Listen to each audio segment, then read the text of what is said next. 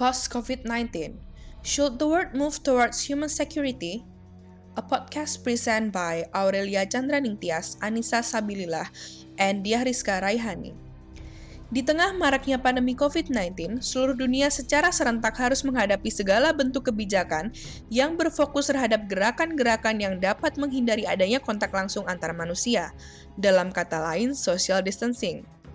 Kebijakan ini akan berfokus dan menentukan tingginya angka korban pandemi, panjangnya pandemi berlangsung, dan bagaimana efeknya terhadap perekonomian global. Kebijakan ini juga akan menentukan kemajuan atau kemunduran ekonomi, sosial, dan lingkungan terhadap pelaksanaan Sustainable Development Goals. Bagaimana konsep human security ini ditetapkan dalam pandemi COVID-19? Konsep human security merupakan paradigma yang menunjukkan adanya kerentanan global yang mengancam manusia, yang mana paradigma ini juga menentang adanya gagasan tradisional tentang keamanan nasional. Dalam konteks ini, militer, dengan berargumen bahwa keamanan harus diprioritaskan bukan dalam lingkup negara atau nasional, namun manusia secara keseluruhan. Wujud human security dalam pandemi COVID-19 terbukti dari mulai bergeraknya organisasi internasional seperti World Health Organization, yang mana mengeluarkan kebijakan yang berlaku di seluruh dunia berkaitan dengan social distancing. World Health Organization menunjukkan sikap protektif seperti yang diharapkan dari konsep human security itu sendiri, yang mana menunjukkan kesadaran mereka bahwa komunitas global memiliki kerentanan yang sangat fatal terhadap sebuah fenomena di luar kontrol mereka. But then the question arises, how much security is enough? Pada dasarnya, konsep human security terletak dalam sebuah lingkup, yang mana tidak keseluruhan dari human security melimitasi seluruh aspek dari kehidupan manusia. Dalam kata lain, konsep ini justru mengidentifikasi dan melindungi segala hal-hal vital yang terdapat dalam diri manusia, termasuk ke dalam hak asasi manusia, kemampuan dasar, dan kebutuhan absolut. Namun, salah satu bentuk human security yang perlu dilaksanakan selama COVID-19 berfokus kepada larangan setiap manusia untuk melakukan kontak langsung, yang mana dalam beberapa kasus seperti di Amerika Serikat, mendapatkan pertentangan bahwa konsep ini bukanlah paradigma human security karena berlawanan dengan hak asasi manusia dan melemahkan sendi-sendi perekonomian masyarakat. Tentu, pandangan ini merupakan kesalahan yang sangat vital, terlepas dari paradigma human security yang people-centered, Human security perlu mempertimbangkan dampak dan prioritas, mengkaji pro kontra. Dengan permasalahan yang berlapis, menjadi hal yang sangat penting untuk menemukan kembali definisi human security dan penerapannya dalam dunia pasca COVID-19. Dalam menjawab pertanyaan tersebut, poin yang harus ditekankan adalah keamanan yang dapat didefinisikan dalam konteks human security dan COVID-19 adalah mencegah dengan seefektif dan seefisien mungkin terkait penyebaran COVID-19. Disekuritisasinya pandemi COVID-19 kemudian mengantarkan pada pertanyaan at what cost dari sekuritisasi ini. Menggarisbawahi globalisasi dari health concern menjadi langkah dari sekuritisasi kesehatan melalui WHO yang membuka fokus keamanan internasional dan nasional terhadap krisis kesehatan publik menghadapi penyebaran penyakit kemudian mempengaruhi pengorganisasian ekonomi dan sosial di tengah pandemi berdasarkan paradigma human security. Penyebaran virus COVID-19 menjadi konser kesehatan publik internasional yang diangkat WHO, mendorong koordinasi internasional untuk menghadapi penyebaran penyakit yang membahayakan bagi umat manusia dan kemudian menjadi basis diberlakukannya kebijakan pembatasan sosial dan karantina wilayah oleh negara. Namun bagi masyarakat demokrasi liberal, sekuritisasi ini mengorbankan kebebasan individu dari pembatasan pergerakan oleh negara untuk tujuan keamanan sehingga kos dari sekuritisasi pandemi virus COVID-19 berfokus pada kesehatan publik yang menempatkan justifikasi terhadap erosi dari sebagian civil liberties dan individual freedom. Di satu sisi, sekuritisasi yang ditekankan negara dalam menghadapi pandemi berfokus pada risiko keselamatan individu yang terancam dari pandemi dalam skala nasional dan internasional. Di sisi lain, Sekuritisasi ini berhadapan dengan dilema terkait disrupsi terhadap kebebasan sosial dan ekonomi individu sebagai implikasi dilegitimasinya sekuritisasi pandemi seluruh dunia yang memunculkan permasalahan ketenaga kerjaan dan kelaparan, serta pertimbangan kerugian dari perdagangan turis dan turisme sebagai elemen yang diperhitungkan akan kekhawatiran kerugian ekonomi. Dan kebebasan individu akan hak sosial seperti freedom of movement dan hak pendidikan yang dibatasi dari disekuritisasinya COVID-19 dalam berdasarkan paradigma human security.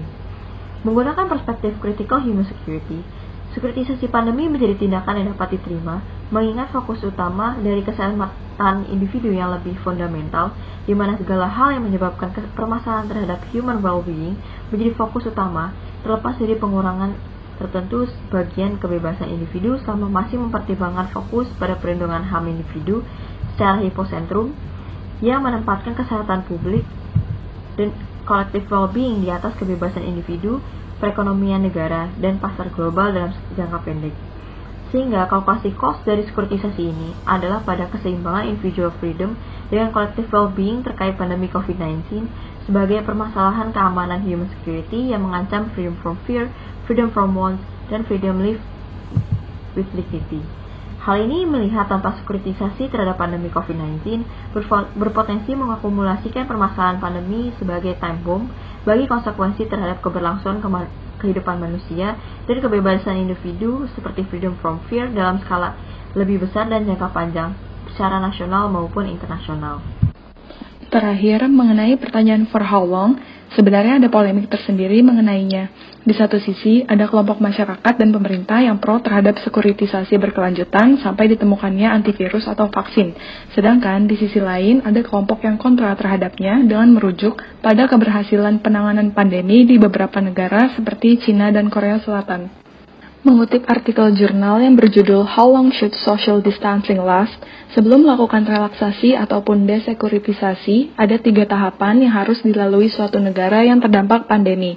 Pertama, fase moderation, di mana tingkat pertumbuhan kasus positif ada di bawah 10% dan doubling time yang berlangsung selama lebih dari tujuh hari.